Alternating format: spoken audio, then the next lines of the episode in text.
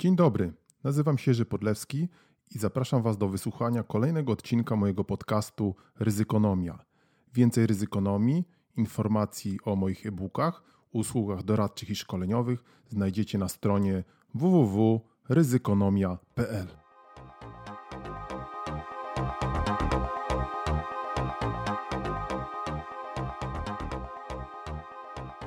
Dzień dobry, dzień dobry, dzień dobry. Kolejny odcinek y, podcastu Przeglądu Ryzyka ze świnką i z kotem.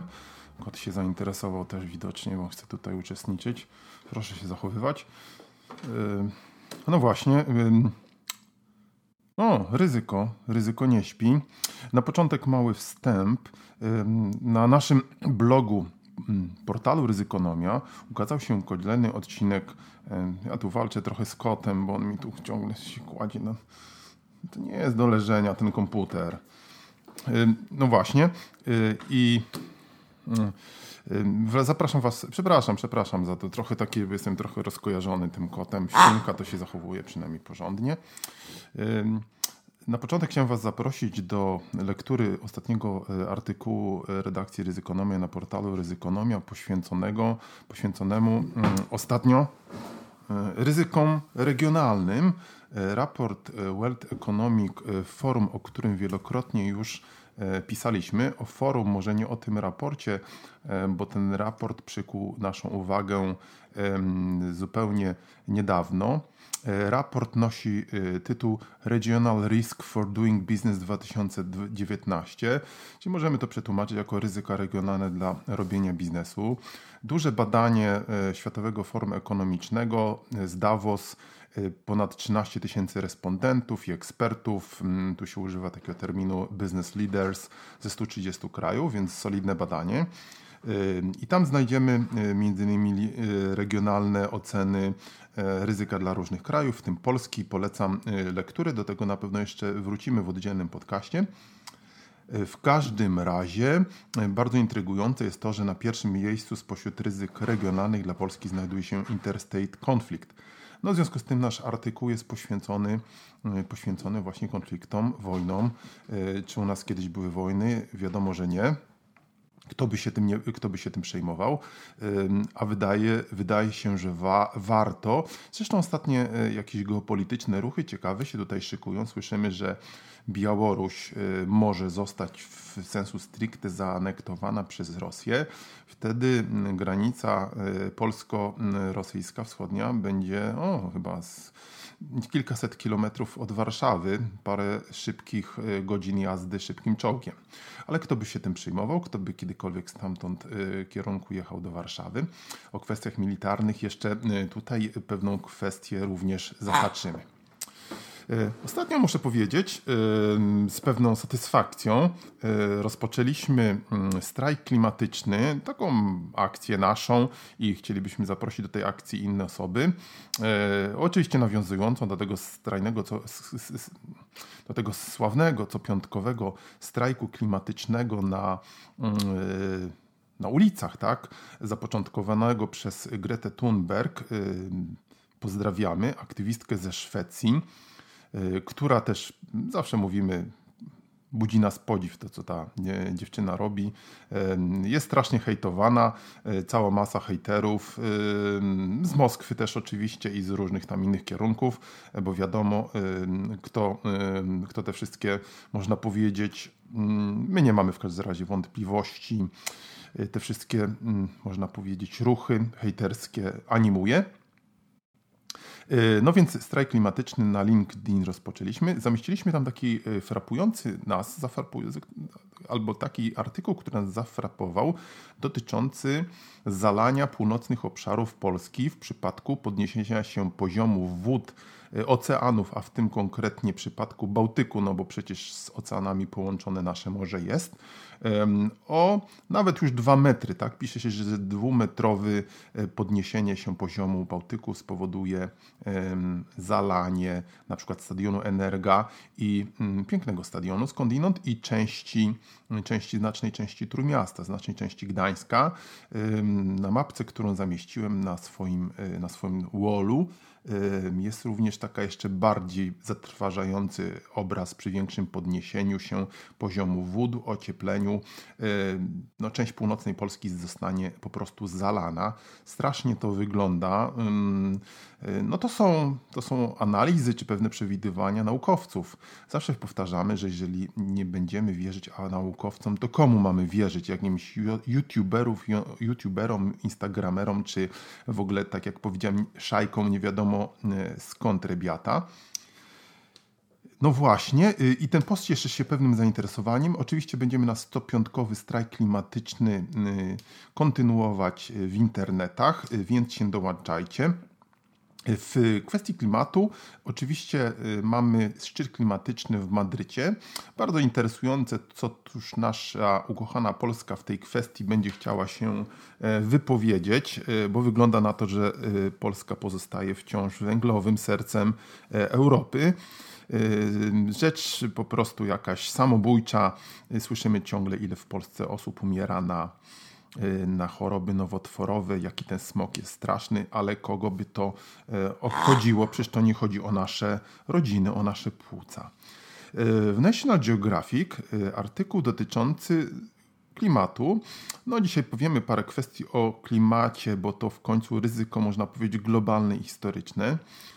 Więc w National Geographic, National Geo Mamy analizę raportu Breakthrough National Center for Climate Restoration z Australii, z Melbourne.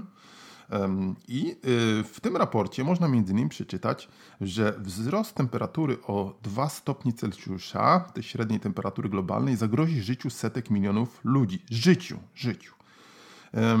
Powyżej 3 y, stopni stopnieją lodowce, y, rozpoczną się globalne susze y, i można powiedzieć, będzie to już wtedy, będzie to już proces nie do zatrzymania, samonapędzający się. 35% powierzchni globu w pewnym momencie zniknie, przepraszam, nie zniknie, dostanie dotknięty suszami. 55% populacji będzie przez 20 dni w roku narażona na warunki poniżej przeżywalności. No właśnie. Jedna trzecia E, globu zmieni się w pustynię, znikną ekosystemy. No właśnie, oczywiście ktoś zaraz będą mówili, ale jak to przecież masz nas zalać, a tutaj mają pustynię, no jak to? No, no właśnie, no i takie mogą być tego efekty. Zresztą polecam oczywiście sławny wywiad e, Olgi Tokarczuk, przepraszam, nie wywiad, wypowiedź czy przemówienie Olgi Tokarczuk, tak, przemówienie, tak, e, noblowskie w Sztokholmie. Bardzo ciekawy tam jest też wątek klimatyczny dotyczący pewnych podejrzeń, jak ekspansja konkwistadorów i różnych odkrywców Ameryki mogła wpłynąć na zmianę klimatu w Europie i nie tylko. Ciekawe, no właśnie, bo tak to działa. W jednym miejscu się ociepla, a w drugim miejscu się oziębia. Jedna trzecia globu zmieni się według tego raportu wspomnianego w pustynię. Znikną całe ekosystemy, w związku z tym i rolnictwo. Jak zniknie rolnictwo, czy zostanie ono zniszczone, nie będziemy mieli co jeść. Wybuchną wojny o zasoby, a nawet wojny nuklearne. Koniec cywilizacji, jaką znamy. Fin, finito, the end. No właśnie, chyba jest o co się martwić, tak? Może to jest wszystko nieprawda, ale jeżeli to prawda, jeżeli naukowcy mają rację,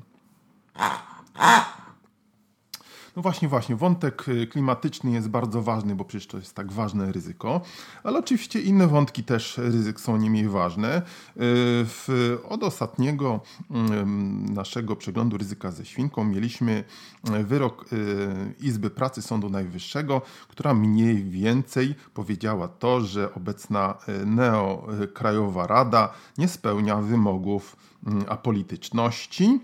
Y, a Izba, mm, Izba Prokuratorska nie jest sądem w rozumieniu prawa Unii Europejskiej. Nie jest sądem, to czym właściwie jest.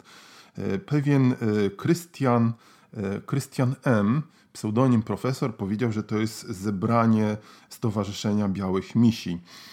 Można by się z tego śmiać, tylko że chaos prawny, który nam się tutaj szykuje, o którym zresztą mówiono od dawna, stanie się wkrótce katastrofalny, bo praktycznie biorąc, y, przekładając to na ryzyka biznesowe, przedsiębiorcy, którzy mają sprawy w sądach gospodarczych, zaczną się zastanawiać, czy sędziowie, a raczej haha, kasta złodziei wiertarek, e, która rozsądza tą sprawę, e, czy ona ma właściwe umocowanie prawne, a drugie strony pewnie, które na przykład przegrają sprawy, będą e, podnosiły będą podnosiły kwestię, że osoba, która rozsądzała sprawę, sędzia, nie jest właściwie sędzią, prawda? Albo można podważać, wąt, poddawać wątpliwości jego mianowania jako sędziego. Czyli nam się szykuje wielki wielki burdel, tak?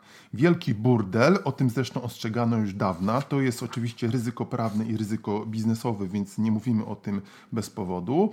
Biznes nas, jak zwykle, się specjalnie tym nie przejmuje. No bo przecież ryzyka dla biznesu y, wolskiego, przepraszam, polskiego mm, nie ma. E, a ryzyko prawne ewidentnie nam tutaj będzie narastało. Oczywiście e, koła rządowe, w tym baron Minhausen, e, twierdzą, że właściwie to o co chodzi, Sąd Najwyższy nie ma prawa sądzić chyba. Chyba, no to wygląda. No właśnie, baron ma. No właśnie. Dlaczego baron? No bo słyszymy, że w ostatniej wypowiedzi baron von Münchhausen powiedział, że już od 20, 250 lat walczy z luką VAT w Polsce. No brawo, brawo. Nie wiedzieliśmy, że pan tak długo żyje, ale czegoż tu już nie usłyszeliśmy z ust tego e, złotoustego e, pana, a lud wierzy, wierzy. E, mamy sezon jakichś takich katastrof budowlanych. Straszna katastrofa w Szczyrku, wybuch gazu. O tym jeszcze będziemy chcieli więcej trochę powiedzieć, bo oczywiście mm, nie znamy jeszcze szczegółów tej katastrofy, ale z tego, co co, co, z tego co czytamy, to być może, tak się zastanawiamy, gdyby w tych budynkach były jakieś czujniki gazu, to mogle, może mogłoby te, tych ludzi ostrzec. My takie czujniki gazu mamy, Wam też polecamy. A jak tak sobie rozmawiamy, zresztą pamiętacie, wielokrotnie mówiliśmy, pisaliśmy również o gaśnicach, to mało kto e, jest wyposażony w takie urządzenia ostrzegawcze, a za chwilę mamy właśnie sezon grzewczy, e, będą nam wybuchały domy, będą wybuchały będą się ludzie zatrowali czadem, a przecież tego można mm, uniknąć. A propos, a propos katastrof, to właśnie mm, pokazuje nam się na ekranach informacja o mm, strzelaninie w mieście Ostrawa w Czechach, kiedy to chyba taki klasyczny masowy zabójca, active shooter, jak to mówią Amerykanie, dokonał, dokonał właśnie jakiejś zbrodni za pomocą zbrodni, y, broni palnej w jednym ze szpitali. Nie znamy szczegółów, ale jakby co to zawsze odsyłamy Was do naszego artykułu, e, naszego, mm, naszego znajomego z EODTech, Tomasza Goleniewskiego, artykułu na ryzykonomii dotyczący właśnie active shootera. Tam jest y, opisana metoda taka, metoda czy sposób ogólnie uznawany, chociaż czasami też krytykowany, ale y, myślę, że całkiem sensowny postępowania w przypadku pojawienia się takiego active shootera. Y, active shooter, co robimy? Run, hide i fight, czyli po pierwsze, gdyby taka sytuacja się pojawiła nam gdzieś, to przede wszystkim staramy się uciec za wszelką cenę, nie bierzemy torebeczek zakupów, tylko po prostu dajemy w długą jak najszybciej możemy. Więc z drugiej strony taka świadomość sytuacyjna też jest ważna, żeby wiedzieć, gdzie się znajdujemy, gdzie są wyjścia, gdzie są drogi ucieczki. Rozejrzyjcie się czasami, kiedy siedzicie w shopping mallu, w y, centrum handlowym, gdzie ewentualnie, gdyby jakiś szaleniec się nam pojawił, to niekoniecznie terrorysta islamski, tylko zwykły szaleniec, bo, bo zazwyczaj mamy do czynienia z takimi szaleńcami, e, co byście wtedy co byście wtedy zrobili? Czy wiecie, gdzie uciec? Gdzie są drogi ucieczki? Więc uciekamy przede wszystkim jak najdalej. E, następnie, mm, jeżeli nie możemy, jeżeli nie możemy uciekać, to staramy się ukryć, więc też dobrze ta świadomość sytuacyjna. Gdzie możemy się schować, gdzie możemy się zabarykadować i czekać na przybycie służb. E, tutaj uwaga też taka właśnie słyszeliśmy ostatnio, że zazwyczaj pokazuje się w różnych filmikach e, instruktażowych, że te służby przybędą po 10-15 minutach, no ale eksperci mówią, że e, niestety w Polsce to tak nie działa, że na służby możemy czekać i godzinę i dłużej, więc e, bierzmy to też pod uwagę, gdybyśmy się znaleźli w takiej dramatycznej sytuacji. No przecież ostatnio mieliśmy dopiero e, zamach terrorystyczny w Wielkiej Brytanii z naszym mężnym, e, z mężnym rodakiem walczącym Kłem Narwala, który no, muszę powiedzieć, wzbudził nasze wzruszenie, kiedy czytaliśmy komentarze na temat, na temat naszego rodaka. Pozdrawiamy dzielnego pana. No właśnie. I trzecia możliwość, kiedy już nam to nie wyjdzie, to walka, tak? Hmm, walka. Walka z osobą z bronią palną może być, mieć dramatyczny przebieg, ale być może nic innego nam czy komuś nie zostaje. Więc jakiś taki prosty schemat, żeby wiedzieć, co robić. Y, łatwo powiedzieć, trudniej zrobić, ale przynajmniej daje nam jakiś plan, tak? No właśnie, Czechy. Przecież to się wydaje, że taki spokojny kraj, chociaż skądinąd, z tego co nam wiadomo, to tam całkiem sporo osób posiada broń palną, co nie znaczy, że biegając tą bronią palną strzelają, ale ludzie szaleni, czy mający jakieś inne, można powiedzieć, motywacje, mogą się wszędzie znaleźć. I to miejmy na myśli. Ale oczywiście nie róbmy takich szkoleń, jak ostatnio czytaliśmy w szkole w Barczewie, kiedy e, no nieświadoma pewnie pani dyrektor, która zresztą została z tego powodu zwolniona z pracy, zaprosiła jakąś grupę rekonstrukcyjną, która wpadła na korytarze i bez ostrzeżenia zaczęła walić z kałachów, e, imitując chyba napad terrorystyczny, właśnie jakiś atak terrorystyczny. Młodzież się strasznie przeraziła. Jeden z, z uczniów wyskoczył oknem i zaczął uciekać i uciekł. On, proszę bardzo, no co by nie mówić, zrobił dobrze właśnie, tak? Zrobił dobrze. To było na parterze, wszyscy mówią, no ale chłop zobaczył, że na parterze można dać długą i dał, tak? No to być może byłby ten, który by przetrwał w sytuacji realnego ataku. Ale sprawa oczywiście szalona, dzieci się przestraszyły, nie tak mają wyglądać takie szkolenia. Yy, no właśnie, no ale może jakieś by były, prawda? Może jakieś by były. Pani dyrektor chciała dobrze, została szczołgana, ale hmm, no właśnie. Przy okazji katastrof oczywiście wraca nam wielokrotnie temat ruchu drogowego. Od 1 października, przepraszam, 1 grudnia mamy obowiązkową jazdę na suwak. Patrzę, kot się przynajmniej teraz położył. No i dobrze. Um, mam obowiązkową, świnka jest niezmożona, nam tutaj zawsze chromnie już. E, mamy obowiązkową jazdę na suwak od 1 mm, grudnia. E, jak to wygląda? Pewnie różnie, bo polskiego kierowcy jest trudno czegokolwiek nauczyć. No chyba, że się mu da bardzo wysokie kary. E, mamy nieustanną dyskusję o wprowadzeniu tego z obowiązku zatrzymywania się przed pasami, kiedy zbliży się do nich pieszy w Polsce oczywiście. To nie może przyjść, bo to jest jakiś rocket science. Na Litwie podobno coś takiego wprowadzono, jak czytamy, i spowodowało to spadek liczby ofiar śmiertelnych na pasach o 40%. U nas oczywiście dyskusja trwa, jeszcze będzie trwała 1500 lat. Osoby kolejne, dzieci, e, starcy, młodociani, nie wiadomo kto, możemy zostać przejechani, bo to jest takie skomplikowane. Ale z drugiej strony muszę Wam powiedzieć, że ta kwestia regulacyjna nas wcale nie dziwi, bo jeżeli spojrzymy na tych naszych ustawodawców, regulatorów, często też, no powiedzmy sobie szczerze, policjantów, to nie jeżdżą dokładnie tak samo. No, to, to jest właśnie taki naród, nie? Prawda? To jest za skomplikowane, są mnożone jakieś idiotyczne argumenty, a ludzie giną, prawda? To jest oczywiście szkoda dla, dla gospodarki narodowej, straszne ludzkie tragedie, obciążenie dla systemu, dla systemu opieki zdrowotnej, ale kto by się tym przejmował? Będziemy milion lat gadali i będziemy znowu czytali jakieś komentarze, że no wiecie, ja to mam ciężką nogę, ale jeżdżę szybko, ale bezpiecznie. No i my zawsze na to odpowiadamy, że cmentarze są pełne ludzi, którzy jeżdżą szybko, ale bezpiecznie. I jeżeli już to robią, to y, niech to robią, y, kiedy nas nie ma z drugiej strony. Ale właśnie tych ludzi to nie przejmuje. E, nie przejmują się oni. Ja muszę powiedzieć, że coraz niechętniej e, wyjeżdżam na drogę, chociaż samochodem w ogóle bardzo lubię jeździć, włączam sobie radio, włączam sobie podcasty, słucham różnych historii. Jakoś tam sobie radzę, tą prawo jazdy mam już bardzo długo. Y, ale coraz, coraz mniej lubię, ponieważ właśnie spotykam tych szalonych kierowców, którym ja uważam powinno się walić jak największe mandaty. O tym znowu jest gdzieś tam mowa, ale to pewnie znowu też z innego powodu. Podejrzewam, że z powodów fiskalnych, prawda, świnko? No ale jeżeli efekt będzie dobry, to dlaczego nie?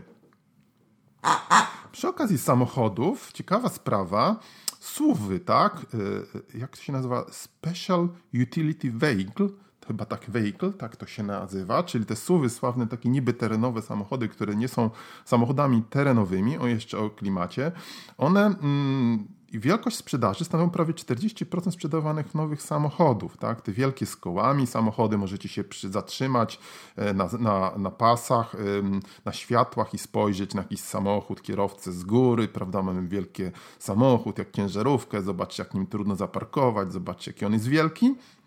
E, I te samochody przyczyniają się w bardzo dużym stopniu do zanieczyszczenia środowiska, tak, nieproporcjonalnie w stosunku do innych samochodów. Nie mówimy oczywiście o różnych złomach, które w polskie drogi masowo zalegają, ale mm, no, takie są nawet apele organizacji ekologicznej. Nie kupujcie, może jakieś mniejsze samochody, które mniej palą, nie są takie ciężkie Hmm, może jakoś inaczej można się przed sąsiadami pochwalić. Chociaż jeśli wejdziemy na jakieś portale motoryzacyjne, to oni wszyscy mówią, że to jest nieprawda, że to w ogóle są super nowoczesne samochody. I tak, no to prawda, to prawda, że mają, że to są nowoczesne samochody bonowe, ale w porównaniu do innych samochodów nowoczesnych, też nowych, no to wystarczy spojrzeć, prawda? Proste prawa fizyki, że palą więcej, bo muszą, bo są cięższe.